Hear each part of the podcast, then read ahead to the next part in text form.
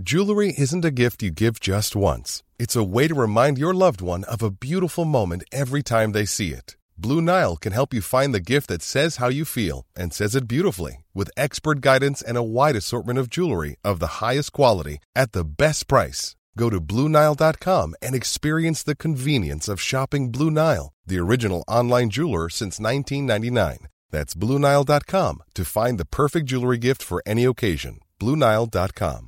There's never been a faster or easier way to start your weight loss journey than with PlushCare. PlushCare accepts most insurance plans and gives you online access to board-certified physicians who can prescribe FDA-approved weight loss medications like Wigovi and Zepbound for those who qualify.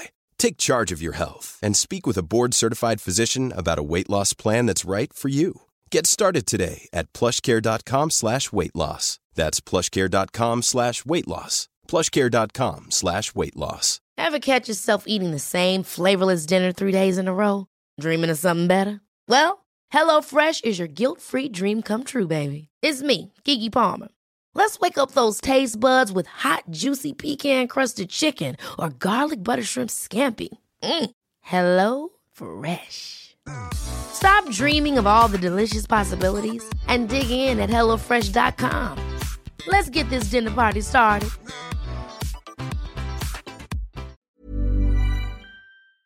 Veckans sponsor är Telia. Hos Telia samlar man mobil, bredband, IT-support, mobilväxel, allt som gör företagande enkelt. Och det är just det här att samla allt på ett ställe, att ha någon att vända sig till när det inte fungerar, det är Telia. Ett exempel på vad som inte är Telia, det är ju som när jag lyckas boka förmötet för en poddinspelning med Finansinspektionen till efter själva inspelningstillfället. Eller när jag här, här året var liksom, fick för mig att jag skulle börja springa, så jag är liksom ute och springer taggad, träffar en kompis som säger så du Jan, på måndag ska jag springa ett lopp. Och jag känner så här, ja men det låter inspirerande, så jag käkar pasta, jag byter om, tar mig ner till Malmö stadion för att göra en efteranmälan, står där i kön och sen så när jag liksom anmäler mig så tittar de på mig och säger så här, du Jan, vårhuset är bara till för kvinnor. Och eh, det var, det var typisk en situation som inte är Telia. Oavsett, ett stort tack till Telia som sponsrar, gör Rika Tillsammans möjligt, men framför allt tack till dig som lyssnar, följer och eh, hänger med oss varje vecka. Man kan ju nästan se det som ett spel eller som en utmaning i att hur maxar jag liksom upplevelsen, lyckan av den här liksom tiden, av de här pengarna som jag tjänat ihop under livet. Du lyssnar på Rika Tillsammans-podden som handlar om allt som är roligt med privatekonomi. I den här podden får du varje vecka ta del av konkreta tips, råd, verktyg och inspiration för att ta ditt sparande och din privatekonomi till nästa nivå på ett enkelt sätt. Vi som gör den här podden heter Jan och Caroline Bolmesson.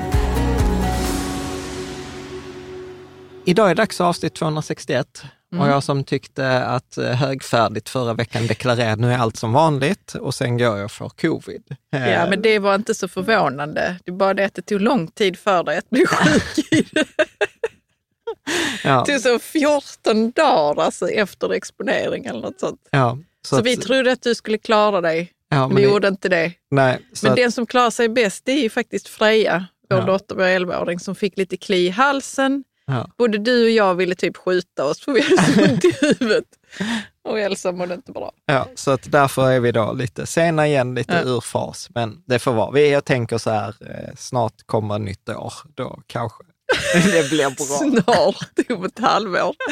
Ja. ja. Men i alla fall, dagens eh, avsnitt Elisa, jag är lite trött på allt det här negativa kring börsen och nedgång och björnmarknad, så jag tänkte att vi ska göra ett sidus, litet stickspår. Mm. Uh, och eh, titeln på dagens avsnitt blir typ så här, dö med noll på kontot, eller diskussion utifrån Die with Zero. En bok av Bill Perkins. Yes, mm. precis. Mm. Så att detta är en amerikan som jag tror för två år sedan släppte då den här boken Die with Zero, Getting all you can from your money and your life. Mm. Uh, och jag har väl liksom haft denna så här på läslistan och sen så bläddrar jag i, i forumet och så var det så här, ja, vad hade du velat se oss göra ett avsnitt om? Och så var det mm. någon som tipsade om denna, så tänkte jag så här, nej men nu är det kanske dags att eh, att ta tag i detta. Och det roliga med han Bill Perkins, han verkar ju vara någon sån här typ naturgashandlare eh, som vad? det så, ja, fortsätt. Nej. Vad så, vad, det är liksom så otippat att han är naturgashandlare. Ja, men också så här typ, ja men eh, började på Wall Street som eh, sån här screen clerk och sen eh, liksom, ja men jobbade han sig upp och Mm, liksom okej. flyttade till Dallas och, liksom, och så berättade han liksom om hans, liksom sin historia. Och Mm. Nu förvaltar han väl någon hedgefond eller något sånt. Men han har liksom ganska mycket tankar kring det här med... Okej, men vad, alltså är det råvaror tänker du? Ja, Ja, okej, för jag tänkte så, shit, alltså vad är, jobbar han på någon plattform någonstans eller något sånt där? ja så nej, nej, nej, naturgashandlare. Naturgas, ja. All right. Eh, och eh, det som jag, det som jag gillade, liksom lite som jag fastnade för också, går man in på hans hemsida, så diewithzero.com eller vad det är, så har han en sån här typ två minuters eh, videoklipp. Eh, Ja. Och så är det så här, ja men this is Jane. Jane har ett bra jobb, hon sparar till pensionen, hon gör, liksom, eh, gör allt man ska och sen så har de liksom så här, Jane ackumulerar pengar, sen går Jane i pension, hon ägnar sig åt sin hobby, hon reser lite och sen är det så här, Jane dör. Ja. Och så är det så här abrupt, Jane dör och så är det så, och så har hon pikat liksom med pengar. Så står det så här, Jane dör med majoriteten av sina pengar kvar. ja. För hon har gjort allting eh, liksom rätt. Och sen så har de så resonemangen så här, pengar som inte längre har något som helst värde för henne. Mm. Och då kommer frågan, vore det inte bättre om hon använt sina pengar på ett annat sätt? Så att det är liksom premissen för, Det är, det, för och det, men det är ju boken. fantastisk, vad ska man säga, storytelling för att vi kan bara inte med det. Vadå? Att hon dör när hon har som mest pengar och inte har hunnit göra någonting med det. Alltså ja. det är väl säkert en sån rädsla som man kan ha. ja. Vad tänker du mer? Ja, men jag tänker så, man vill inte, man tänk, jag får känslan så av att så ska det fan inte gå till. Ja. Nej, Vad så- tänker du då? Nej, men jag tänker vi ska, vi ska prata, så pratar han liksom om, det är väl liksom boken handlar om, och dagens avsnitt, jag tror att detta blir ett avsnitt i två delar, för jag tror inte vi kommer hinna igenom hela. Nej, men sen resonerar han mycket i boken, för han är ju ingenjör, och så pratar han också om det här att han ser ju eh, liksom detta som ett optimeringsproblem. Det är viss typ av så här ingenjörsproblem som man kallar för optimeringsproblem. Liksom, okay? Till exempel du har ett vatten eh, som rinner ner i ett badkar och sen läcker det ut ur badkaret. Vad är det optimala liksom, mängden vatten som ska rinna igenom? Alltså sånt. Och då är han liksom så här, så, men hur optimerar man värdet på pengarna under livet? Och sen så har han ett antal principer då som jag tänker vi ska prata om. Eh, han har ett antal rekommendationer och, eh, och det är lite så, mm, vad ska man säga, morbid, eh, att vi kommer att prata mycket om död. Mm. Eh, jag har till och med laddat ner en, en sån här app nu till min telefon.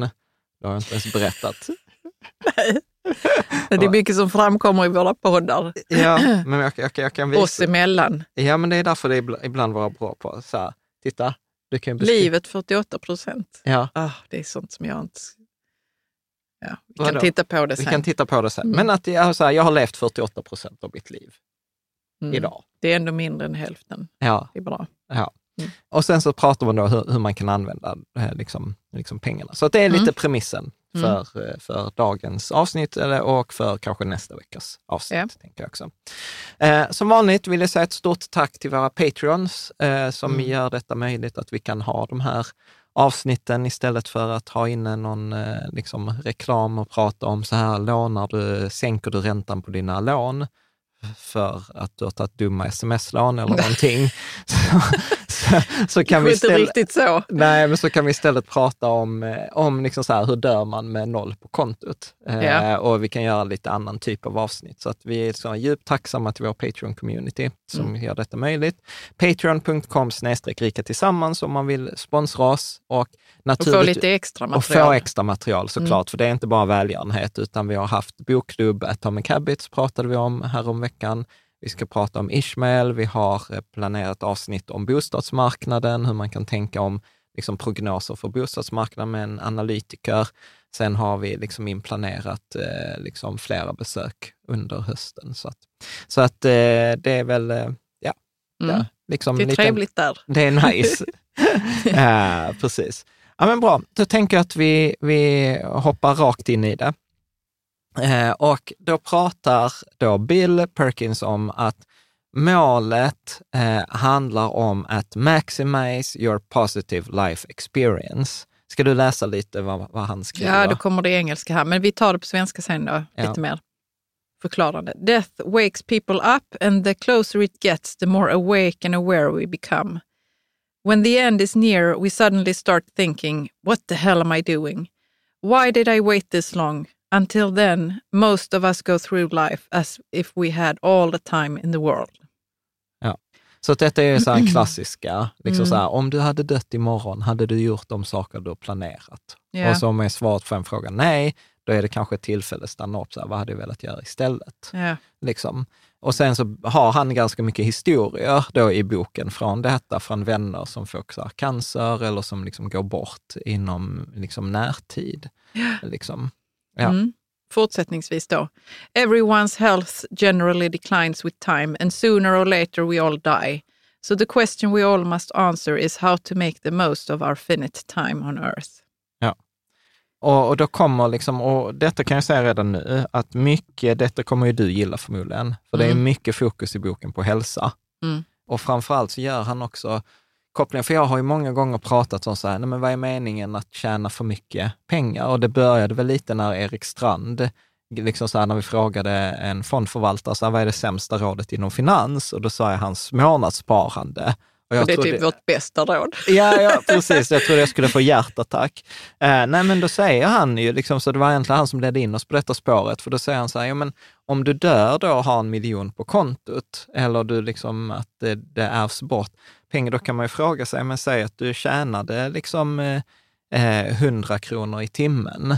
Var det då värt de där 10 000, var det värt de där 10 000 extra timmarna du mm. jobbade för att ha den där miljonen? Liksom, är det värt, vad använder du din tid och din energi på, den, på det bästa liksom, sättet?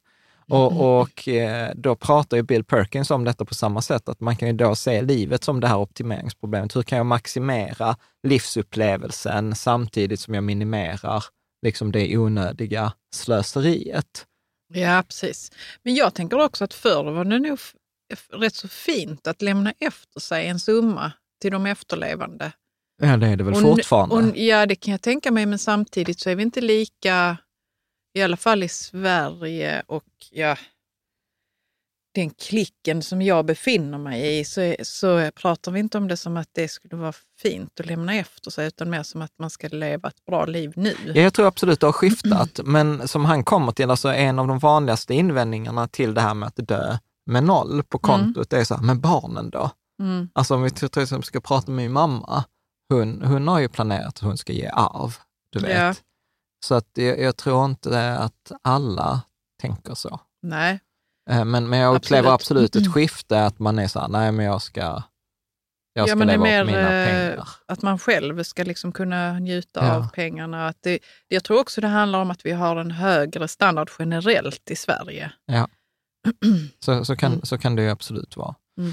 Och då blir liksom eh, grundfrågan i det här optimeringsproblemet blir så här, så vad är det bästa sättet att använda vår livsenergi på innan vi dör? Mm. Det är liksom overarching frågan, liksom övergripande frågan i boken. Och, och sen så, då har han liksom ett antal principer som vi ska gå igenom, men då är till exempel en väsentlig sån här, att vissa upplevelser mår man bättre av i olika perioder av sitt liv. Att till yeah. exempel det är så svårt att åka vattenskidor när man är 90. Ja. Uh, och, och, vi kommer till det där, men det där har jag börjat upptäcka redan nu, att jag upplever att vissa saker som du och jag har liksom tänkt eller så här, så börjar vi säga, nej, pallar inte. Och då är vi typ bara 40 plus. Ja. Uh, så, att, ja, ja, så, så, att där är liksom en tids... Så i alla fall en av principerna är, vi, vi kommer till det sen, men en av principerna är i alla fall att det är en tidsaspekt på vissa mm. upplevelser. Mm. Alltså vissa upplevelser lämpar sig inte när man är 90 plus, Eh, vissa upplevelser lämpar sig bättre när man är 20 eller när man är liksom 40. Och, och sen på samma sätt eh, så är det ju då att mängden pengar som vi tjänar, alltså som jag har ju tagit det här exemplet innan, att Warren Buffett har ju tjänat majoriteten av sina pengar efter sin 65-årsdag. Och sannolikheten är väl ganska stor att vi kommer tjäna all, alltså vi som lyssnar eller pratar om det här, att vi kommer tjäna mer pengar i framtiden. Men om vi då kommer tjäna mer pengar i framtiden, om det är rimligt, så är det inte för alla, men, men för ganska mm. många, då blir det också konstigt att vara rädd för att använda pengar idag ja. på upplevelser då ja. till exempel. För att, liksom att man tänker så här, nej men jag måste avstå pengar idag för att, för då blir det som att man tar från sitt eh, liksom, Framtida? Ja, att, att istället idag när man har mindre pengar än vad man kommer ha i framtiden, så tar du pengar från den som inte har mm. för att ge pengar till den som har i framtiden. Ja, okej, okay, alltså. Mm. Är du med? Att det blir mm. lite, lite upp och nervända liksom, världen. För att du kommer ju tjäna mer pengar i framtiden, ja då borde du ju använda en del Men varför pengar. tänker du att man kommer tjäna mer pengar i framtiden? Nej, men om man har Var... investerat så är det ju ränta på ränta-principen, mm. bara det, tänker mm. jag att, att pengarna, att vi, vi, ja, vi har automatisk avsättning till pensioner, premiepensioner, tjänstepensioner. Vi vi har själva själva ja. liksom, mm. eh, och sånt. Mm. Så att jag tror liksom mycket här som han pratar om, tricket är ju att hitta, det, hitta de upplevelser som gör en lycklig och försöka använda pengarna till de här upplevelserna. Och att verkligen, verkligen tänka, det som slog an mig hos mig var ju att jag tänker så här, men det gör man sen. Det gör man sen. Det gör jag sen när, när, jag, när jag är som. Jane, när jag är 65, mm. när, när jag har vunnit spelet. Mm. Då kan jag njuta. Eh, och så glömmer jag bort då att ja, men, som när jag är 65 så kanske inte jag är så sugen att göra vissa saker. Mm. Och det värsta är så här, att jag insåg detta, nu kanske jag springer, eh, springer i förväg, men där han, där han berättar om då när han och ens kompis bodde i New York eh, och flyttade dit och så hade de så skitdåligt betalt jobb. Alltså det var, han sa så här, det var på nivån att glömde han köpa ett eh, biljett, alltså så här månadsbiljett för tunnelbanan i början av månaden, så hade han inte råd att betala liksom engångsbiljetter för tunnelbanan. Nej. Och hans kompis då som var typ 20, så var han så här, ja ah, men fuck it, du vet så, jag vill åka till Europa, jag vill tågluffa eller något sånt. Så han där, men du har inga pengar. Han där, ah, men jag lånar pengar. Och han där, men vem ska du låna pengar? Han där, ah, skitsamma, jag vill låna typ en loan shark. så han gick till liksom loan shark, lånade pengar för att åka till Europa. Uh, och kom aldrig tillbaka. jo, jo, men kom tillbaka och sen berättade han liksom om de, de här upplevelserna som, som 22-åring liksom tågluffa i Europa, han bodde liksom så här vandrarhem med 16 andra killar och lärde sig om liksom europeisk historia och sånt. Och, och Bill var så här, alltså du är dum i huvudet att du liksom gör det. Och så var han så här, sen när han var 30, Bill Perkins då åtta år senare skulle åka till Europa, ja då insåg han att ja det tåget hade gått. För nu var han inte 22 längre, ville bo med 16 andra killar i, i ett vandrarhem. Nej, okej, inte samma premisser för den tågresan. Nej, och, och liksom, så han märkte att liksom, okay, de livs, den liksom, erfarenheten var borta. Och grejen är att jag har en liknande historia från mitt eget liv, att efter mm. gymnasiet mm. så hade vi Malin och några kompisar som åkte till Sydostasien ja, ja, ja. och, och, mm. och, och liksom backpackade. Och jag var så här, nej men jag ska gå på universitetet, jag ska direkt börja på teknisk fysik efter gymnasiet och sånt och jag gör det där sen. Ja, idag är jag 41. Har den där resan till Sydostasien kommit? Nej, det har den inte. Och idag är det för sent för att jag skulle aldrig alltså så här, bo på något vandrarhem med 22 andra 18-åringar. Alltså jag är ledsen, det går bort i mitt liv idag. Mm, ja, men jag tycker så att man kan väl åka dit ändå fast man bor på ett äh, bra hotell. Jo, men precis, men då blir det något helt annat. Ja, det blir något helt annat. Visst blir det det. Liksom. Mm. Uh, men alltså du vill ha den upplevelsen att ha bott nej, men, på det viset och rest på det viset kanske på en uh, alltså jag, liten jag, budget och ja, alltså jag liksom tror, upplevt. Ja, men, men, men idag är jag för bekväm. Mm. Alltså så du, idag, idag alltså så här, det var ju som när vi åkte till Spanien nu, det var så här, vi kollade på så här fyra och femstjärniga hotell. Det, alltså så, alltså det, det förflyttas, det blir något annat. Mm. Och jag upplever liksom så här att ja, men det tåget, alltså den, där fanns en slott för den typen av resa. Ja, när man stod den, ut med en viss uh, typ av standard. Ja, precis. Och, och, och, och då menar jag så här, okej, okay, ja, men det är kanske något jag ska lära mig från ja. det där. Och, ja. och, just detta, detta var liksom för mig liksom väldigt stor grej. För, för att han pratar sen om en övning som vi kan göra. När han pratar om att, eh, ja men många pratar om sån här bucket list. Mm. När han är så här, nej men skit i bucket list, gör olika buckets i olika åldrar. Ja, Okej, ja. vad, vad, Mm. vad, vill- vad, vad, liksom, vad, vill du göra som 40 till 50-åring? Vad vill du göra som 50 till 60-åring? Men sånt kan man ju inte veta heller. Ja, fast man, Ja. man kan ju lista ut vis, vissa grejer, tänker jag. Vi, vi, kom, Ja, vi, kommer, vi kommer till det. Kan gärna komma till det. Ja. Mm. Eh, men till exempel eh, skidåkning Mm. kan ju vara en sån grej. Det är ju rimligare att vi gör skidåkning de kommande 15 åren än att vi säger så här, nej men nu pausar vi skidåkning i 15 år och så gör vi den när vi är 60. Mm. Är du med? Det är inte Mm. som att det blir lika många åk i skidbacken när man är 60 som när man var 22. Nej. Liksom. Mm. Jag vet inte, vad tänker du? Jo, jo, men absolut. Visst är det så. Ja. Det är så otroligt lätt att gå till det där att man måste spara pengar nu Ja. och dra in på saker nu. Ja, ja, ja. ja precis. Det är ju det halva boken handlar Det är om. som kontroll man har över sitt liv då, känns det Ja. mm.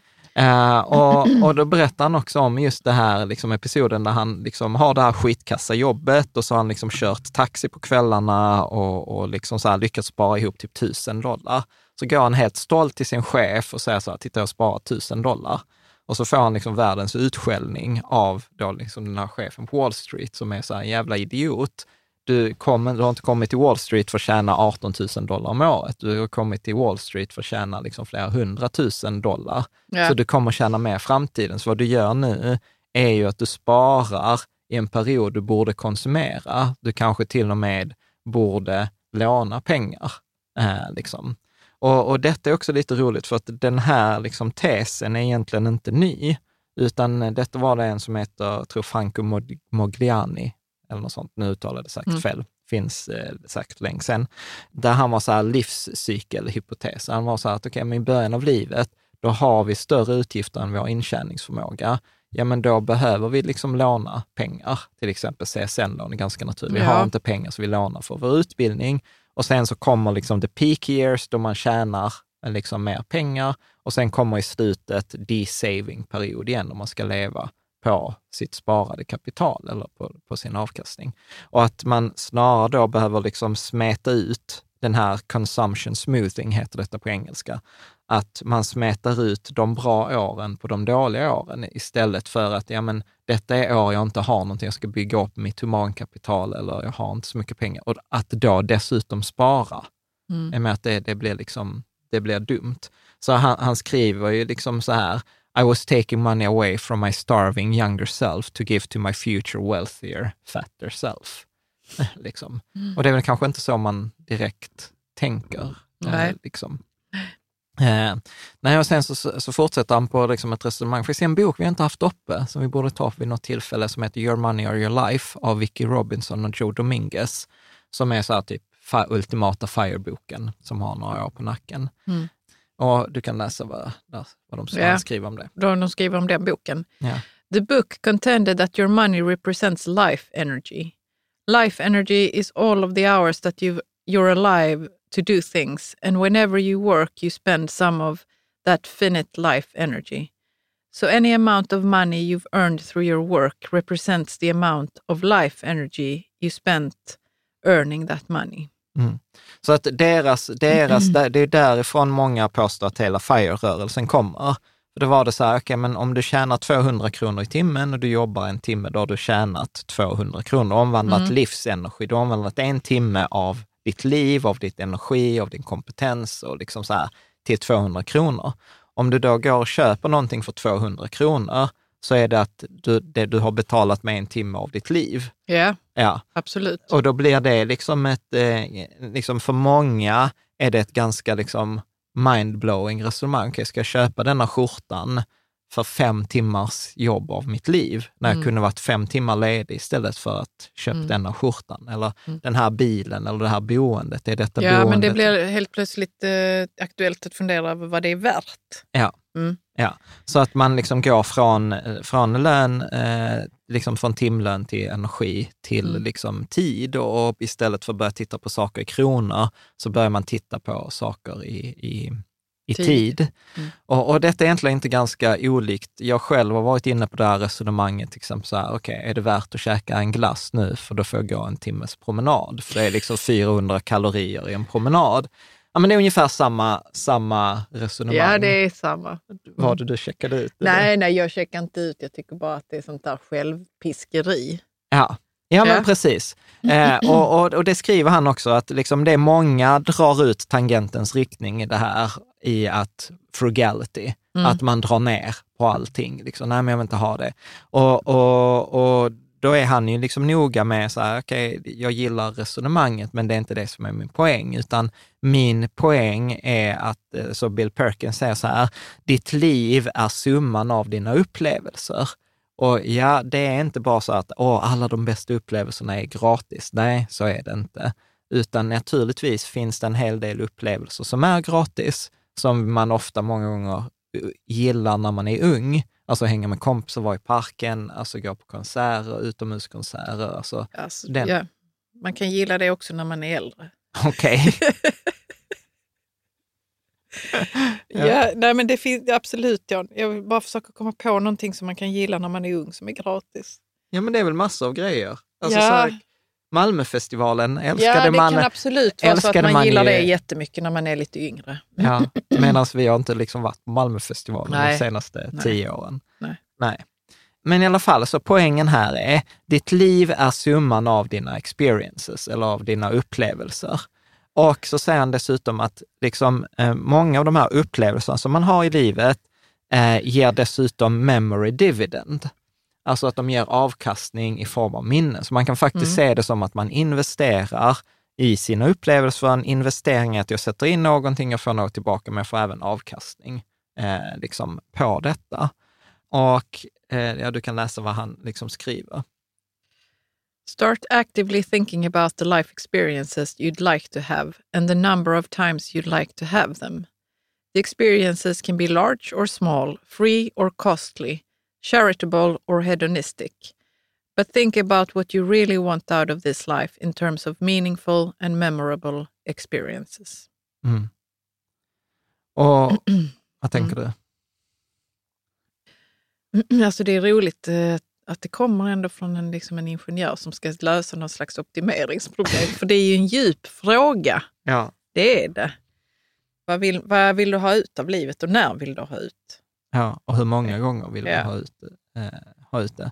Men jag, jag tänker att detta är egentligen en sån där superbra grej att, att faktiskt bara så paus och fundera på eller skriva ner eller ta med sig till sin... Jag hade faktiskt, jag fick ett jättefint mejl av en läsare, Mattias eh, Ipsonia, som skrev så här, ja men jag och min fru, vi brukar prata ibland om de här frågorna som dyker upp i avsnittet. Och jag tror att detta är en jättebra grej för dig och mig. Ja, absolut. Jag tror också att man, att man kan skriva en lista. Man ska ha, eh, att man, att man typ inte ska sluta när det känns som att det är svårt att komma på något. Nej. För det är då som det kom, nog kommer ja. komma så jag tror de detta riktigt bra grejerna. Ja, så jag tror detta blir en uppgift för dig och mig till nästa avsnitt. Ja, vi gör det. Så äh, mm. liksom att fundera på. Och där sen, ja, eller här, mm. ja, du kan fortsätta läsa här. The main idea. Ja, yeah, the main idea here is that your life is the sum of your experiences.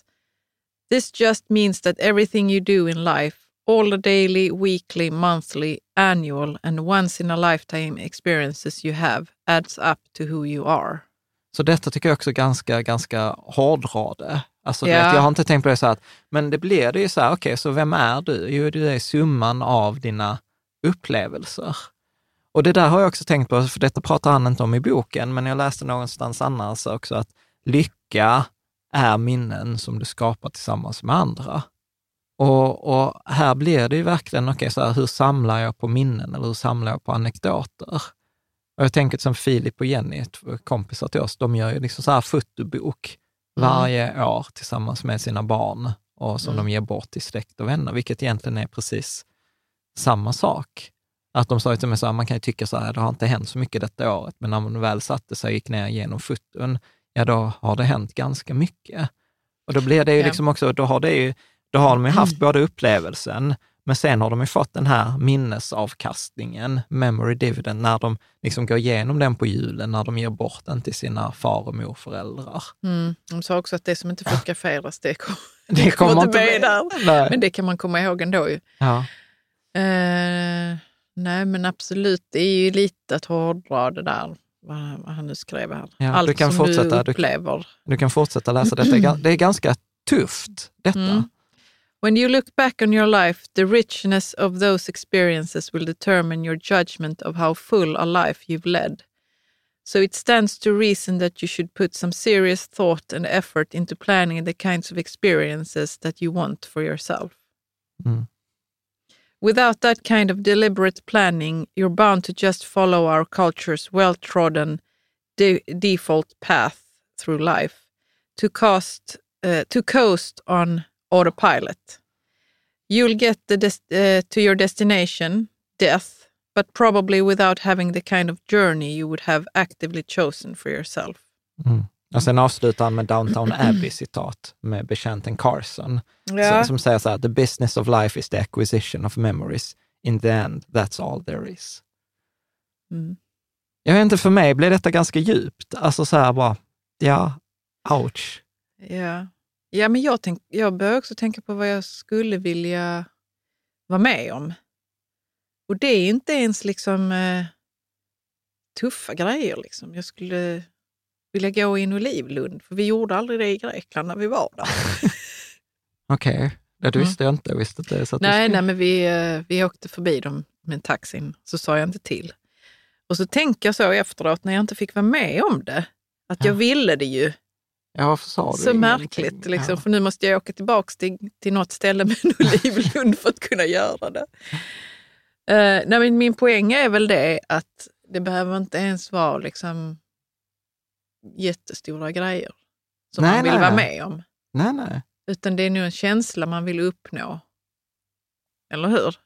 Ja, Jag vet inte, alltså, om vi tar till exempel nu i sommar, så hade vi ju planerat, eller vi har planerat att vi ska åka till Paris. Mm. Och jag har ju varit så ganska osugen.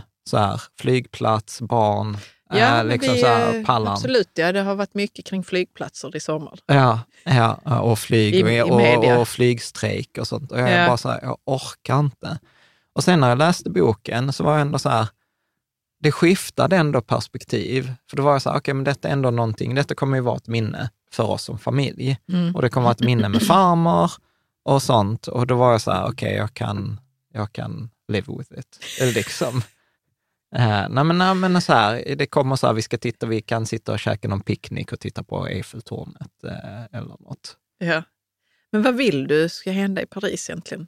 Ja, jag vet inte. Men, men jag har liksom inte tänkt på det i form av så här, okej, som, som han säger, start investing in experiences early. Mm. Att liksom gör, gör de där upplevelserna och att, och att tricket är väldigt uttalat. Så, ja, men vad är spelet? Alltså så här, så här, jag tycker spelet samlar på livsupplevelser är väl på sätt och vis ett roligare spel än sam, spelet samlar på pengar och dö.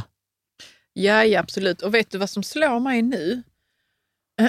För att nu är vi föräldrar ju. Ja. Och det, det ty- blir typ inte lika viktigt vad jag får för upplevelser som för mina barn. Mm. Att vad jag kan ge dem för några ja, minnen så. För Freja och jag har ju läst om Marie Antoinette eh, och franska revolutionen och så. Och så har jag varit lite så, ah, men ska vi ta en busstur till Versailles? Det blir liksom lite mäckigt och så. Mm. Men det, det ska vi ju. För att vi behöver ju åka dit och se. Så att Freja kan se Marie Antoinettes slott. Liksom. Ja. Det är klart att vi ska. Ja. ja.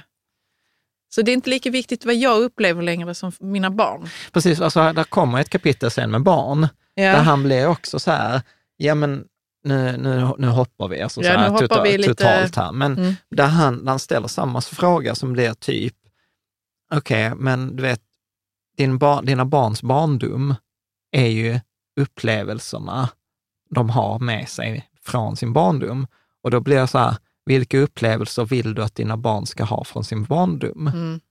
Och det blir också en sån här ganska liksom, tuff fråga, för då kommer man ju också in på det där att, ja men som jag kan vara, att så här, nej men okej, fuck it, nu överdriver jag lite, men okej, fuck it att eh, vi inte hängde så mycket, men jag gjorde jävla bra jobb för barnen i alla fall. Liksom, jag jobbade för deras skull. Så att, ja, men du, du fattar, att det blir, jag hårdrar det något. Tänker du, eller vad, vad, vad sa du nu? Tänker du så? Eller ja, det, men jag kan tänka så. du kan tänka Ja, så? så här, jag, jag, jag jobbar hårt, jag, jag missar vissa grejer i vår familj eller jag missar vissa grejer med våra barn. men det är för ett högre syfte. Mm. Ja, och det kan vara jätteklantigt. Jag Mm. hör ju det Ja. när, när, jag, när jag säger det. Men då blir det ju liksom också hitta den där balansen, eh, som han, han beskriver det i ett scenario där han är så här, ja, men, om man lever ute i en skog eh, och man behöver liksom någonstans shelter, ja då är det make sense att man inte hänger med barnen, för man är och hugger ner träd för att liksom, barnen ska överleva. Men någonstans så passerar ju den där balansen Den överlevnads... var du får ut mer av Mm. att hänga med barnen än att vara ute och jobba för att tjäna mer pengar för Mm. att barnen ska ha liksom ett arv eller något. ja. Vad tänker du? Alltså sånt, just det resonemanget åskådliggörs eh, signifikant i litteratur. Vadå? Eh, nej men, eh, barn som inte har hängt med sina föräldrar. Ever catch yourself eating the same flavorless dinner three days in a row? Dreaming of something better? Well, HelloFresh is your guilt-free dream come true, baby. It's me, Gigi Palmer. Let's wake up those taste buds with hot, juicy pecan-crusted chicken or garlic butter shrimp scampi. Mm. Hello Fresh. Stop dreaming of all the delicious possibilities and dig in at HelloFresh.com. Let's get this dinner party started. Quality sleep is essential. That's why the Sleep Number Smart Bed is designed for your ever evolving sleep needs. Need a bed that's firmer or softer on either side? Helps you sleep at a comfortable temperature? Sleep Number Smart Beds let you individualize your comfort so you sleep better together. JD Power ranks Sleep Number number 1 in customer satisfaction with mattresses purchased in-store. And now, save 50% on the Sleep Number limited edition Smart Bed for a limited time. For JD Power 2023 award information, visit jdpower.com/awards. Only at a Sleep Number store or sleepnumber.com. There's never been a faster or easier way to start your weight loss journey than with PlushCare. PlushCare accepts most insurance plans and gives you online access to board-certified physicians who can prescribe FDA-approved weight loss medications like Wigovi and Zepbound for those who qualify. Take charge of your health and speak with a board-certified physician about a weight loss plan that's right for you. Get started today at plushcare.com slash weight loss. That's plushcare.com slash weight loss. plushcare.com slash weight loss. Eller som inte har hängt med någon betydelsefull person för dem. Alltså det att det är väldigt så...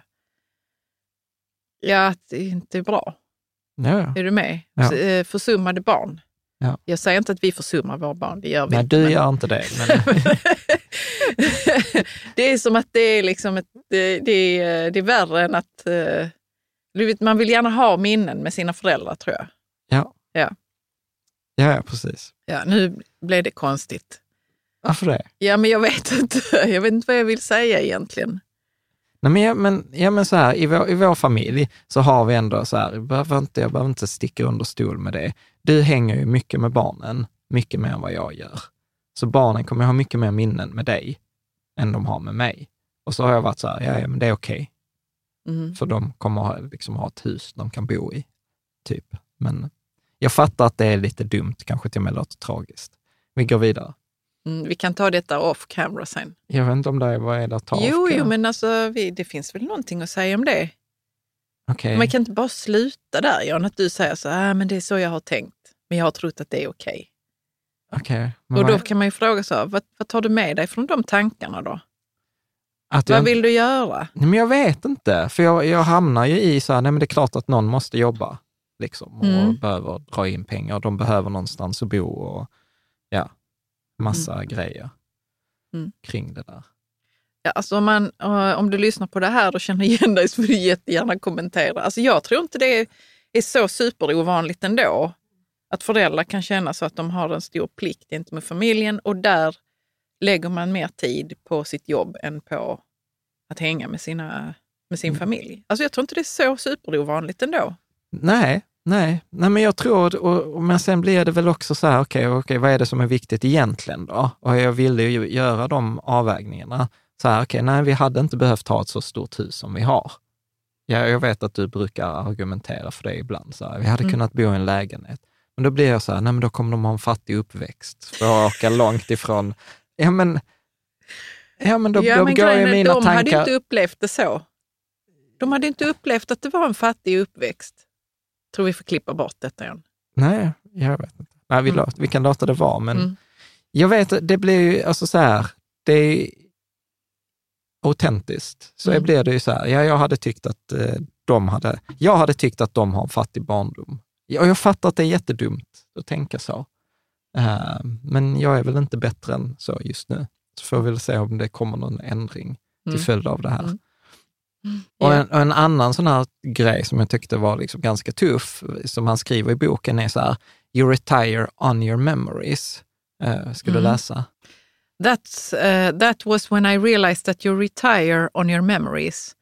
When you're too frail to do much of anything else, you can still look back on the life that you've lived and experienced immense pride, joy and the bittersweet feeling of nostalgia. Mm. Mm. Så att jag tänker att det är inte bara de här life experiences, att jag gör dem och sen får jag en memory dividend. Det är dessutom så att när du blir riktigt gammal och du inte kan göra någonting nytt, mer eller mindre, ja då blir det ju liksom på de här minnena som man går i pension. Mm. Och han berättar då liksom att ja, men han och hans pappa brukade spela liksom fotboll och sen kunde de inte spela fotboll, men då klippte han, liksom så här gjorde han en iPad och så tog han, samlade han alla då bilderna från när hans pappa spelade fotboll på typ 60-talet.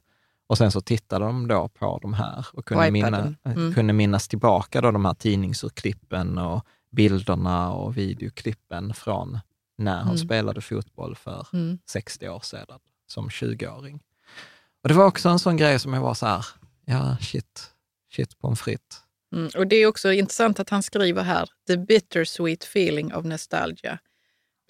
för att jag tror att detta avsnittet också kan vara lite tufft för att man, för det är lite bittersweet, alla de här minnena som är ditt liv. Men man Mm. måste bara acceptera att det är så det är. Ja, så den Så att stora, man inte tycker stora, illa om att det är att ja, men det var det som hände när jag var 25 och orkade eller var snabb eller du vet. Ja. Ja, men för att det är så att, att man, är, har, man är kanske inte alltid man är ju inte ung hela livet. Liksom. Det är det jag Mm. menar. Det är Ja. det som är lite bittersweet, tror jag. ja, och öppningen här är ju också att, att, eh, att man har ju tid att fundera på, okej, så vad vill jag ha för minnen Mm. framgent? Mm. Alltså vad vill jag göra?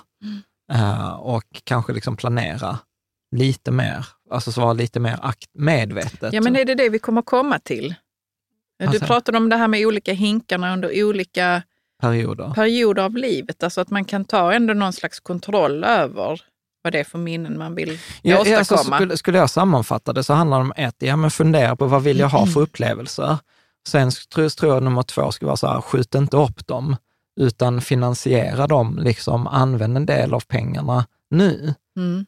Eh, och att istället för att vara så här, okej men och jag måste spara extra till pension eller jag måste göra de där, liksom, jag var inte oansvarig, så här, skit i pensionen, men, men det räknar vi om här, här om veckan i något avsnitt, att liksom, om man bara har ett ganska vanligt jobb i Sverige och har ett ganska vanligt kollektivavtal, så kommer man ha det ganska okej när man går i pension. Mm. Så egentligen är mycket av det sparandet, som jag tror många som lyssnar på oss eller följer oss, gör är egentligen ett extra sparande. Och, och så när vi också tittade på de här undersökningarna, att det var ju typ bara en av sju pensionärer som levde upp sitt kapital.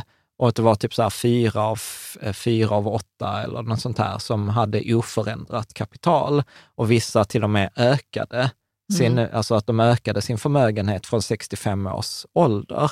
Och, och, och då kan man ju liksom ställa sig frågan, vore det inte bättre då att ha använt en del av de pengarna nu, medan man är frisk, medan man orkar, medan man kan liksom få mer betalt inom situationstecken, få en bättre avkastning på sin upplevelse för att man är frisk Mm. liksom, och för att man har hälsan, än att säga så här, nej men jag ska göra detta sen och sen blir det kanske inte som min resa till Sydostasien som Mm. aldrig blev av. Mm. Nej, absolut. Bra. Nej, så, att, så hans, liksom, för, liksom ett förslag som han gör är till exempel, ja men gör en sån här liksom graf, eh, där han är så här, okay, men sätt eh, upplevelsepoäng eller så här typ experience points som man får i dataspel eh, på mm. y-axeln och sen så tar man liksom för varje år, okej, okay, men kvantifiera, liksom, han är ute efter så här, kvantifiera de här upplevelserna och så sätt poäng från 0 till 10 eller 0 till 100 eller liksom välj, välj själv. Det enda han var så här, inga minuspoäng. Liksom. Nej, nej. Utan, mm. Och så är han så här, okej, okay, hade du haft ett helt år, du låg på liksom sjukhuset och kunde inte röra dig, då hade du typ haft noll på det året. Och sen, och sen så gå igenom de här, okej, okay, vad, vad har hänt under året? Vilka upplevelser har vi haft? Vad har, vad har varit roligt? Vad har gett liksom de här upplevelse, eh, liksom, poängen? Mm. Eh, och sen också liksom, sen titta på det över, över tid och då kommer man också kunna se eh, sen i nästa steg att, att den här kommer ju öka för att år fem så får du ju dessutom kanske liksom minnespoängen för de tidiga åren. Så bara, kommer du ihåg när vi var där, när vi var och åkte skidor, när vi var gjorde den picknicken eller när vi var och gjorde eh, liksom den där resan. Mm, saker man kan prata om ja. och minnas. Och, ja. eh, vad menar du nu? Avkastningen på upplevelserna är minnena då? Ja, mm. precis. För att du får liksom energi av dem. Alltså, mm. Så då blir det ju liksom som avkastningen på det. Och då borde ju detta, liksom givet att man gör schyssta upplevelser som går i linje med det som man tycker är viktigt, så borde ju liksom de, man kunna se någon slags ränta på ränta-effekt. Att ja, men du får betalt även för tidigare år. Att vi kan ju minnas saker. Liksom så här. Jag kommer ihåg när vi var i Thailand och hade mm. liksom, eh, var på en båt i två veckor. Mm. Ja, ja, ja du, absolut. Ja, liksom. Så att, så att han, han är verk, verkligen så här kvantifierade, så inte bara liksom så här, fundera vilka du vill ha, men kvantifiera de du har och gör det kanske liksom en gång om året eller två gånger om året, så här, kanske nu mitt i sommaren. Att faktiskt sätta sig ner, så vad har jag haft för upplevelser detta året? Eh, liksom och kvantifiera, eh, kvantifiera dem.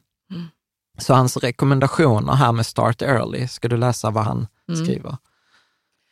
Remember that start early is right now. Of those experiences you thought about earlier, think about which ones uh, would be appropriate to invest in today, this month, or this year. If you're resisting having them now, consider the risk of not having them now. Mm. Mm. Think about the people you'd like to have experience with and picture the memory dividends you stand to gain from having those experiences sooner rather than later. Think about how you can actively enhance your memory dividends. Would it help you to make more photos of your experiences, to plan reunions with people you've shared good times with in the past, compile a video or a photo album? Mm. Mm.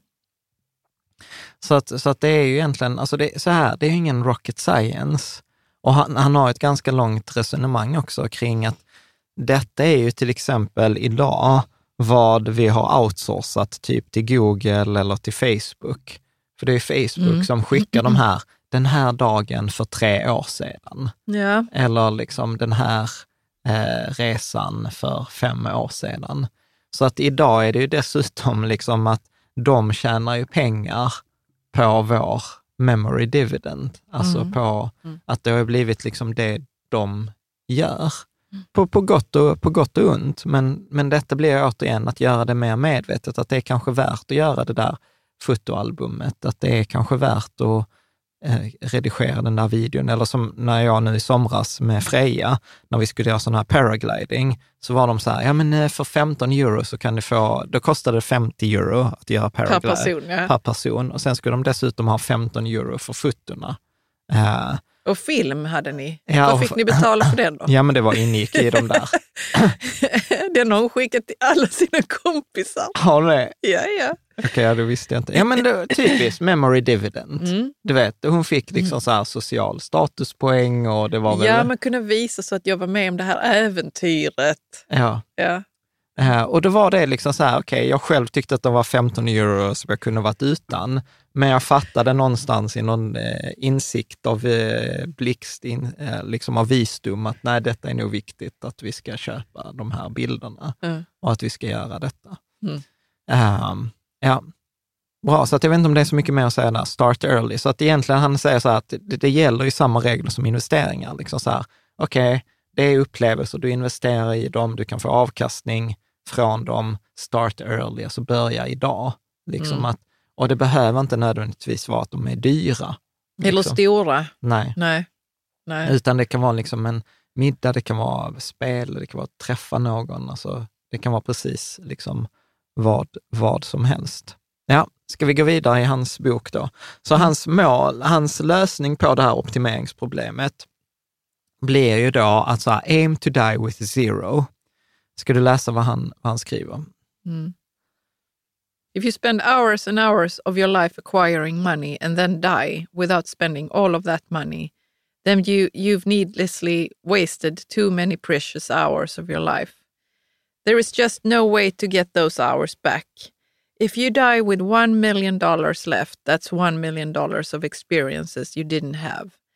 And if you die with $50,000 left, well, that's $50,000 of experiences you didn't have.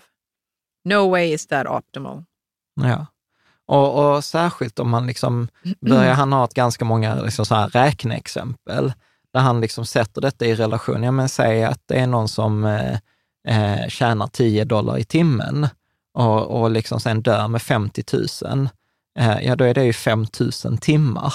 Mm. 5 000 timmar, eh, du vet, så räk, ja, det är något räkneexempel. Du vet, så här, det var tre, för, för då den här påhittade personen, det var så här två och ett halvt års jobb mm. som den personen liksom hade sparat ihop, men som nu var liksom bortslösade. Och det där kan man väl tänka, tänka på, tänker jag, om man, ja, men att man har det där huset eller den där pensionen, eller man ger bort det där arvet på en miljon. Ja, men om du tjänade 200 kronor i timmen, ja, hur många timmar var det som jobbades kanske i onödan? Ja, nej men precis. Eh, liksom. eh, ja. Fortsättningsvis här då. If you don't want to squander your life energy, you should aim to spend all your money before you die.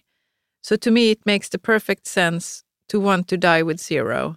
Not to reach zero before you die, which uh, would leave you high and dry, but to have as little as possible left unused for all the time and energy you spent working to earn that money. Mm. Och, och, här, och tittar man på det som jag var inne på innan med Franco Modigliani, på den här Life Cycle Hypothesis, så tror jag också att han skrev det, eller någon annan ekonom skrev det, att om man tittar på det och vi vore så här, sådana här ikoner, det vill säga superrationella ekonomiska människor, som bara liksom maximerar sin egen nytta, så säger han så här, wealth will decline to zero by the time of death. Mm. Alltså för att annars har du en massa pengar kvar som du inte har fått någon utility för alltså ja. någon användning för. Så att, så att det är ju liksom, det blir ju ofta, eller för mig är det ju väldigt mycket en irrationell rädsla. Att jag vill ha så mycket, liksom så här, ja men eh, tänk om nötterna tar slut, vi måste ha så många nötter som möjligt. Och nu, nu är det tuffa tider, så nu måste vi ha extra mycket nötter. Liksom. Och nu försvann några nötter för det kom någon jävla nötsjukdom. ja. liksom. Uh. Ja, alltså det är ju roligt att han använder det ordet life energy som då används av FIRE, den här Financial Independent Retire Early-rörelsen. Ja. Och säger att du ska inte lägga de här pengarna på hög, som är exakt vad de gör, ja. för att sen kunna liksom uh, bestämma mer över sin egen tid. Det ja. är lite så uh, ironiskt, tycker alltså. jag. alltså. Ja. Nej, men, och sen så visar han ju detta också med mycket som vi också varit inne på, att de flesta grafer som man tittar på, så är det ju liksom så här att medianförmögenheten för de flesta ökar ju med åldern. Att man blir ju rikare och rikare. Så här, eh, genomsnittliga avansianen, hur mycket pengar har de? Hur mycket har den peng genomsnittliga svensken? Och det är ju inte som att okay, man har lite pengar när man är 20 och sen har man mycket när man är 45 och 50 och 60 har man som mest och sen minskar det utan det är ju snarare liksom en kurva som stiger hela tiden över, över livet. Och då blir han ju liksom också lite som man sätter den här kommentaren till den här grafen. Okej, okay, men när du är 75 och du har en ökande medianförmögenhet, eller du har en ökande förmögenhetskurva, så här, what are they waiting for? Liksom. Och, och, och detta är väl liksom Richard Taylor och jag tror Kahneman och flera andra har varit inne på det, så att det är svårt att lära en gammal hund nya trick eller mm. svårt att lära ett hushåll nya trick. Eh, och återigen, vi kan ju bara ta, nu använder vet jag att min mamma lyssnar på det här, så du får inte ta detta personligt mamma, men att liksom så här, spara när man är 70, for what purpose? Mm. Alltså så här, när man är 70, då har man ju liksom passerat den där piken. Alltså, då, pengarna kommer ju inte ta slut. Nej. Och, och särskilt inte i ett land i Sverige där vi har liksom garantipension och bostadstillägg och, och massa annat. Mm. Så att, så att det, det, är liksom, det, det blir ju en irrationell grej att, att spara. Jo, men det är, känslor man... är irrationella. Ja, ja, absolut. Jag är den första Men det att kan man, under. man kan absolut undersöka sina irrationella känslor och fråga sig om de hjälper en verkligen. Ja, alltså, Eller vad det är för mål man har med, med pengarna. Ja. Nej, men man kan ju ta det hela, hela detta resonemang kring, kring, kring döden är vi ju totalt irrationella. Att mm. vi kan ju också vara så här, vi sparar massor av pengar och sen blir vi sjuka i slutet av året, ja då kan vi lägga hur mycket pengar som helst för att få några veckors extra liv. Liksom. Eh, och då kan man fråga sig också, vilken kvalitet är det livet, de där extra veckorna, jämfört med om du hade använt de pengarna när du var typ 50. Mm. Och hade varit så här, okej, okay, ja, fuck it, jag dog tre veckor tidigare, men jag hade fan jävligt balla erfarenheter Men du, hur ska man nu göra här för att liksom kunna få uppleva eh, allt det man vill, men inte vara eh, vårdslös liksom, eller tänka så här, men det löser sig, det ordnar sig.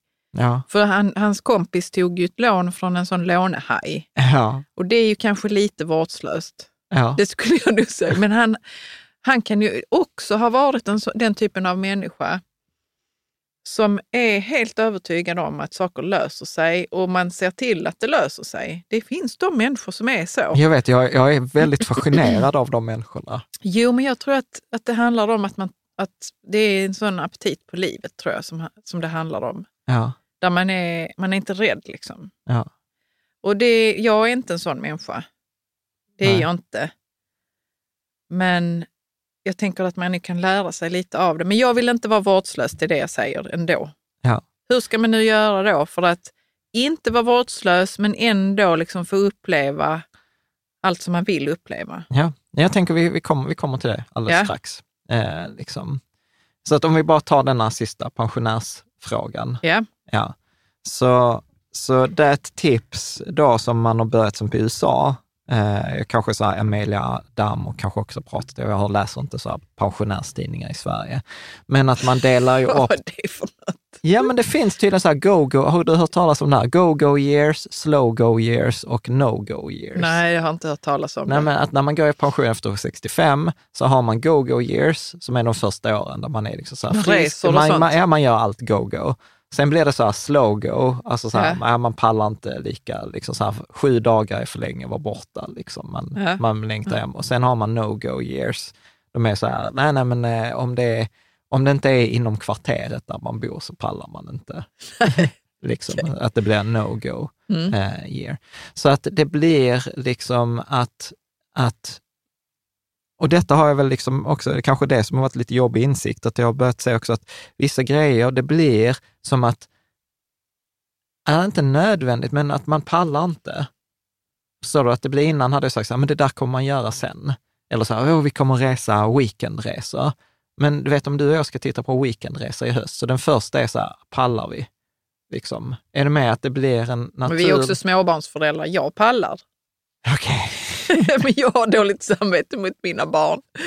Så nej, nej men jag vill inte det nu. Men jag, jag, kan också tänka så, sen kan vi åka på, eh, på weekendresa när de är lite större. Ja. Men då kanske det också är för sent. Kanske ja. jag inte pallar det. Ja. Mm. Men jag menar i alla fall att det blir att man hittar på ursäkter. Ja, absolut. Liksom för, för, eh, för det där. Liksom. Varför gör vi det egentligen? Ja, men för att man blir bekväm. Jag tror att man blir bekväm och att man inte tar hänsyn till den där åldern. Utan du vet, så här, man smygs in i den där åldern och så blir det bara naturligt så här, jag pallar inte. Mm. Eller, så här, eller inte, ens, inte ens att man pallar inte, utan man tänker så här, nej, nej men vi kan ha trevligt här, eller en god middag är trevligt. Eller, mm. Alltså så här, att, att toleransen toleransen förändras. Mm. Shit, det låter som att man är 60 plus nu. Men, men, Vi försöker resonera kring det. ja, men jag har i alla fall börjat se det, det där tydligt. Vet, här har jag haft det liksom nu under våren, haft lite ont i min axel. Och det har också varit en sån här, bara, ah, du vet, jag börjar bli gammal. Nej, Nej. det där är för att du sitter vid datorn för mycket. Ja. Mm. Så men tillbaka till din fråga där, okay, så hur, hur gör man för Mm. det där? Och då, då är hans svar så här, use all available tools to help you die with zero. Eh, och det var ett, ett av då rekommenderade han en sajt som heter longe, longevityillustrator.org. Ja. Eh, där man kan då gå in och så trycka in så här, hur gammal är man, kön, eh, vilken hälsa har man? Och så är det så här, då, dålig, average, above, excellent. Ja. Så jag, så jag tryckte in excellent på dig och average på mig.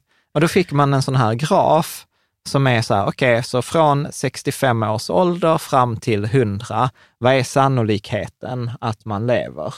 Enligt då liksom så massor av statistik. Och detta är ju så som försäkringsbolag och pensionsmyndigheter etc. räknar eh, liksom Mm. olika årskullar. Och då säger man så här, okej, 65 år, då är det tydligen 100 procent sannolikhet att vi båda lever. Och sen liksom börjar, börjar det minska. På Eh, dig, Ja, på... på på oss båda. nej, Men ja, så lite till, grann för varje... ja, så till exempel vid 75, det är bara 90 procent sannolikhet att jag lever vid 75. Och någonstans vid 85 så blir det typ 50-50 om jag lever eller inte. Och du Mm. är typ 80 procent. Du hade ändå 20 procent sannolikhet att du lever när du är 100. Medan jag, har bara, medan jag har typ bara 8. Mm. Eh, liksom. Jo, men det är för du har lagt in att du har en average häl- hälsa, medelmåttig hälsa. Ja. Och sen tittar man då vidare. Detta kan man alltså göra, det är bara så svar på tre, fyra frågor. Mm. Och sen så får man då, okej, vad är sannolikheten för att man eh, överlever, där de, då att vi båda lever eller en av oss lever eller så här. Ja, då är det så här, okej, vi har 28, 23 års, 50 procent sannolikhet för 23 års pension. Mm. Och då tänker jag så här, då är, då är ju detta det man kan räkna på. Det kan man, men det är ju också lite trubbigt. Men man får verkligen se över sin eh, hälsoapparat. Ja, men vänta, varför är detta trubbigt? Jo, men för du vet ju inte så. Du kan ju ha otur, du får cancer eller Jo, precis, bli, men om jag, Alzheimers eller precis, något men om annat jag sånt. räknar, om jag räknar med att jag lever tills jag är 85, för den Ja. tycker att jag kommer leva tills jag Ja, är ja, 85. okej. Ja, Du kommer ändå vara trött då. ja. Ja. Så Men den säger ju inte hur pigg du kommer vara heller. Nej, men det var inte det som var frågan. Du Nej, har förskjutit okej. frågan. Mm. För du var frågan, okej, så hur gör, hur, hur gör Ja, men då behöver jag ju räkna ut, så okej, så jag behöver räkna ut att jag har finansiering tills jag är typ 85. Ja, Ja, jag behöver inte räkna tills jag är 100 eller 110 eller leva för alltid. nej. Är med? Och då kan man ju börja planera för att pengarna ska ta slut när man är 85. Mm. För att även om de tar slut, mina pengar tar slut när de är 85, går man in på minpension.se så är det ju så här livsvarigt. Så lever jag tills jag är Mm. 90 så kommer jag ändå inte vara på någon jävla fattigbacke. Eh, utan då kommer jag ändå vara så här, åh det är trevligt att vara hemma och det är trevligt med potatismos och... Ja, och- visst, och vaniljdrömmar Ja. Så jag menar, då kanske man klarar sig på den här. på det lilla. Ja. Ja. Mm. Och då menar jag på, då kan man ju faktiskt, då blir det ju en matteövning. Eh, och detta är sånt som jag roar mig med, liksom att vi håller på med ett verktyg med Spirecta där man ska kunna leka med det här. Mm. Men då är, då är meningen i alla fall att man ska kunna räkna, liksom så här, okej, men ja, okej, jag kommer leva tills jag är 85. Mm. Och, så, och så utgår man liksom från det. Och här kan man få massa fina kurvor på när man, liksom sannolikheten för att man ska dö vid olika åldrar. Mm. Liksom. Jag vet inte, vad tänker du när du ser detta? Nej, men jag tänker väl att det är bra eh, på sätt och vis. Men då, alltså verkligen, man får ju jobba för att man har en bra hälsa då. Alltså hälsan verkar spela riktigt stor roll för att man ska eh, liksom få ett så långt liv som möjligt. Så missköter man sin hälsa bör man, spara, bör man spara lika Man behöver mycket. inte spara lika länge, nej. och de kanske går hand i hand. Ja. Man dricker mer och unnar sig mer. Ja, och så blir man 110. Nej, men, men, men så att då blir, då blir, är det med, så att här får man, här får man ju liksom ett, ett sätt hur man kan säga, okej, men, okej, men jag kommer att leva tills jag är 85. Det är Mm. det som är min, det är målet. Det är mitt huvudcase. Mm. Mm. Och då menar då blir det ganska enkelt att ladda ner den där appen också och ställa in så här, okej, okay, jag ska dö 2066. Liksom. Nej, det är inte enkelt, Jan. Varför inte? Eller vad tänker du nu? Nej, men jag strunt samma. Vi, nej, du, nej. Vi, du sa det innan, att det är inte så himla... Vi vill inte kännas vid vår död. Nej. Blir det jobbigt för dig? Ja. Varför det? Jag tror nog fortfarande att jag inte ska dö. kommer du säga så. Du kan ha en app som visar när du ska dö. Ja, det kan man ha. Nej, men säg någonting mer om det. Jo, men för att, jag, för att jag, det är väldigt jobbigt att veta det. Jag har inte kommit till insikt om det än, att, det är, att jag kommer dö. Mm. Men jag tror att det är viktigt för att man ska hinna göra de sakerna som man vill. Alltså jag, mm. har, ser, jag ser ljuset. Jag, jag ser ljusglimtarna av det och tänker så, ja, det är bara verkligheten ser ut på det viset. Ja. Så får jag deala med det. Ja. Att jag kommer dö och att jag behöver veta hur lång tid jag har kvar. Ja, men det blir ju liksom en, alltså så här, vet jag att jag kommer dö när, jag, när 2066? Nej, det vet jag inte. Alltså så här, jag kan leva tio år till och jag kan dö tio år innan. Men det blir liksom också så ensamt. Men om jag lägger till så att ah, men vi ska, vad jag vill uppleva med barnen när de blir större mm. och med dig, då blir det inte ensamt längre i den här, den här voiden som är livet. det här tomrummet som är livet. Uh, och då kan jag känna så, ja, men det kan ju vara ganska trevligt ändå. Ja, för det blir det som... Att planera de här sakerna som man vill vara med om. Men det gäller att göra dem tillsammans med andra människor tror jag. Ja. Och vilka de är. Ja.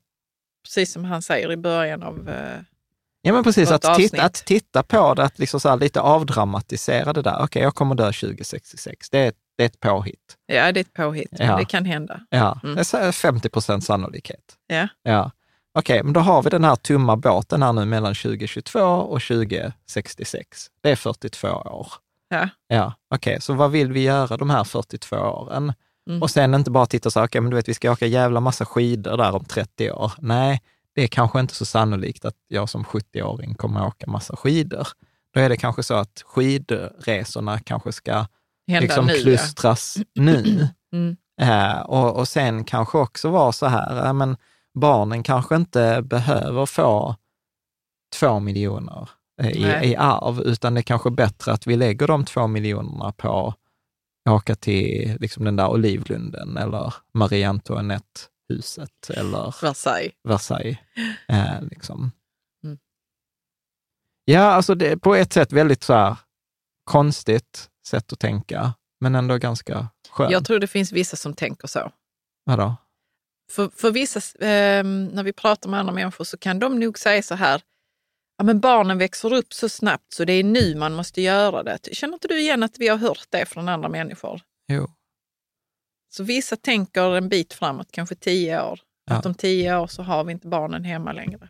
Jo, men, jag vet, men jag vet, men du vet, det blir ändå sådana beslut som blir också så här, alltså om, man hårdrar det, okej, okay, ska vi amortera nu på huset för att vi kanske räntorna kommer gå upp, eller ska vi bara ta de pengarna och åka skidor? Nej men, nej, men där måste ja, men du ändå, jag fattar vad du menar, men där måste du ändå ställa liksom två känslor mot varandra. Ja, men, så.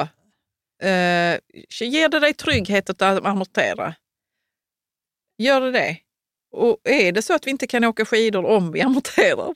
Ja, men... För man kan också bli så att det blir svart och vitt för en. Eller hur? Och det är det ju inte. Nej. Nej. Ja. Men vad det... var poängen? Nej, men, det, nej, men min, poäng, min poäng är att beroende på var jag ställer mig så, så blir det olika svar. Och då, mm. blir, och då, blir, och då blir frågan blir så här, vilket är stället jag ska stå på när jag utvärderar de här?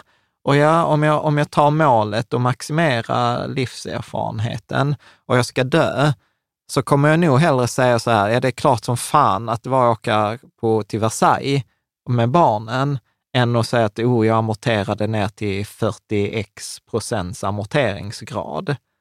Eh, liksom.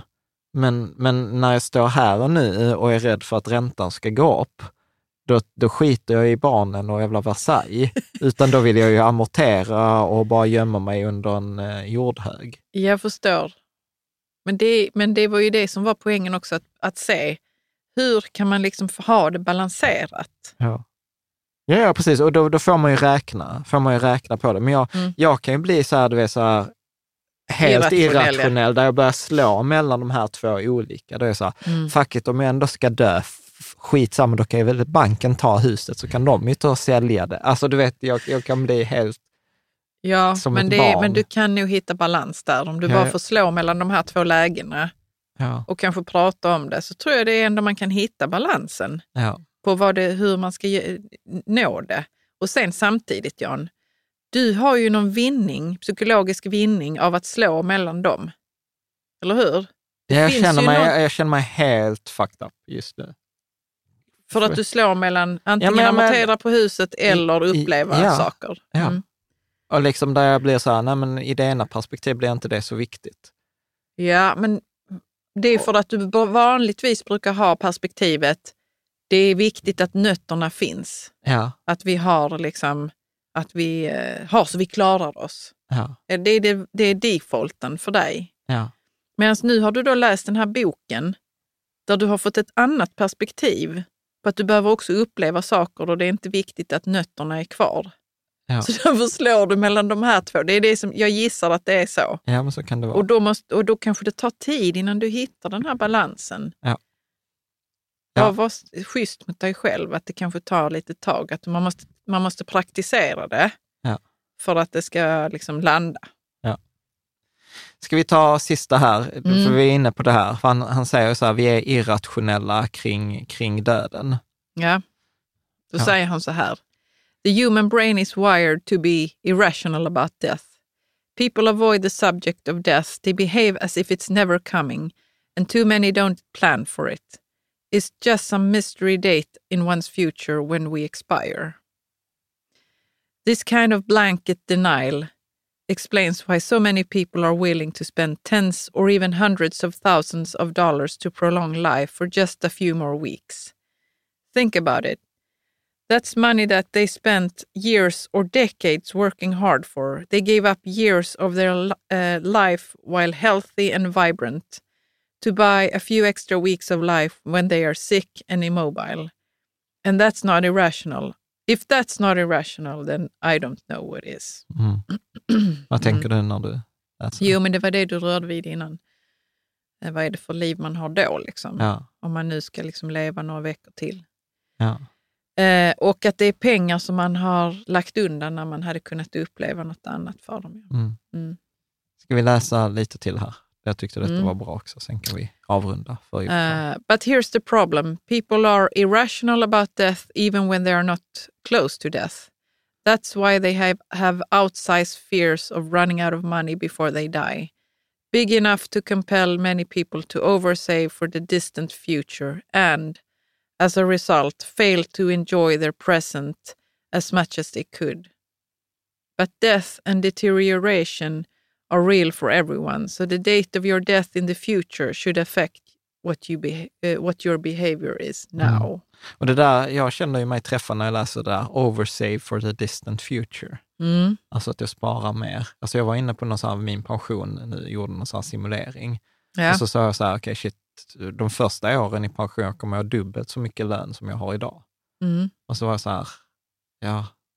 Men det är dina go-go years på ja. 17. det är då du ska göra alla de sakerna som du ska göra sen. Ja. Som du tänker så här, men vi åker till Marocko sen. Ja, men Marocko är ett sånt land som jag har velat åka till. Ha, vill du? Ja. ja, jag också.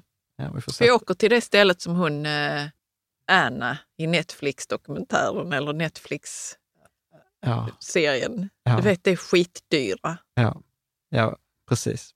Vi får ja. se. uh, Inventing Anna. Ja. ja. Ska du ta det? Jag tar nästa här nu. Jan, Jan tappar tålamodet med mig. Mm. Think of it one step at a time, starting with the most extreme case. If you knew that you were going to die tomorrow, your behavior and activities today would obviously change and maybe even taking a 180 degree turn. Now take it down just a notch. If you were to die, uh, if you were two days away from death, your behavior and activities would change a little differently.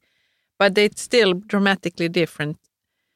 But they'd still be dramatically different than if you had 50 or 70 more years to live. Mm. Mm. Så att vad det handlar om är ju det här liksom att okej, okay, men om jag tänker på det, att ja, det kommer ett dödsdatum. Mm. Och sen man har den här countdown-appen yeah. som räknar ner. Mm. Så kanske den gör att man gör saker annorlunda. Mm. Ja, men jag tycker det är fint att du har den appen. Ja. Heter den Countdown? Ja, jag vet inte vad den hette, men jag laddade, det var någon sån widget, så kunde man, så kunde mm. man ställa in. Så kunde jag köpa en pro-version, då fick man det i dagar. Och då var jag så här, nej jag pallar inte. jag får det i procent. Men det var typ 10 000 dagar eller något sånt. Ja, ja, du, man kan räkna ut det själv. Ja, precis. Mm. Bra. Men jag, jag, tänker, vet du vad, jag tänker faktiskt att vi kan runda av här. Så ja, ska vi fortsätta nästa, nästa gång? Mm. Eh, och då tror jag att vi kommer prata om det här lite med arv. Eh, med att liksom, för då tänker vissa så här, men om jag ska dö med noll, betyder det att jag inte ska ge något arv? Nej, tvärtom, så betyder det faktiskt att det kan handla om att ge arvet till barnen när de har mest glädje av det. Mm. Eh, för att eh, det finns här undersökningar att när, när får man arv? När får de flesta arv? Och så är det typ i 60-årsåldern. Men då är det återigen så här, jämför en 26-åring och en 60-åring. Vem, ja, har, mest glädje, behov, alltså. vem har mest värde av de där arvet som kommer? Att det är mycket bättre att ge bort arvet till sina barn när de är mellan, jag tror han konstaterar mellan 26 och 35. Mm. Precis liksom när du är där barn, småbarn, du har kanske liksom ekonomin är tajt. Liksom, yeah. jämfört när du får pengarna när du är 65 år. Mm. Så att det blir lite, lite om det nästa vecka och sen så tänker jag att vi pratar kanske lite aktiviteter, vi pratar om de här med hinkarna, mm. vi pratar eh, lite... Bucket lists för olika perioder i perioder livet. I livet. Ja. Eh, mm. Men det hade varit roligt att höra vad, vad du som har lyssnat eller liksom tittat tänker på det. Så skriv gärna i mm. forumet mm. Eh, så, så, får vi se om vi är... På rätt spår. ja, jag vet inte. Det får vi, det får vi se. Ja. Så att, eh, ett fantastiskt stort tack. tack. Jag tänker att vi, ja, vi ses i kommentarsfältet, framförallt i forumet. Det är mm. väl där. Mm. Ha det så bra. Hej!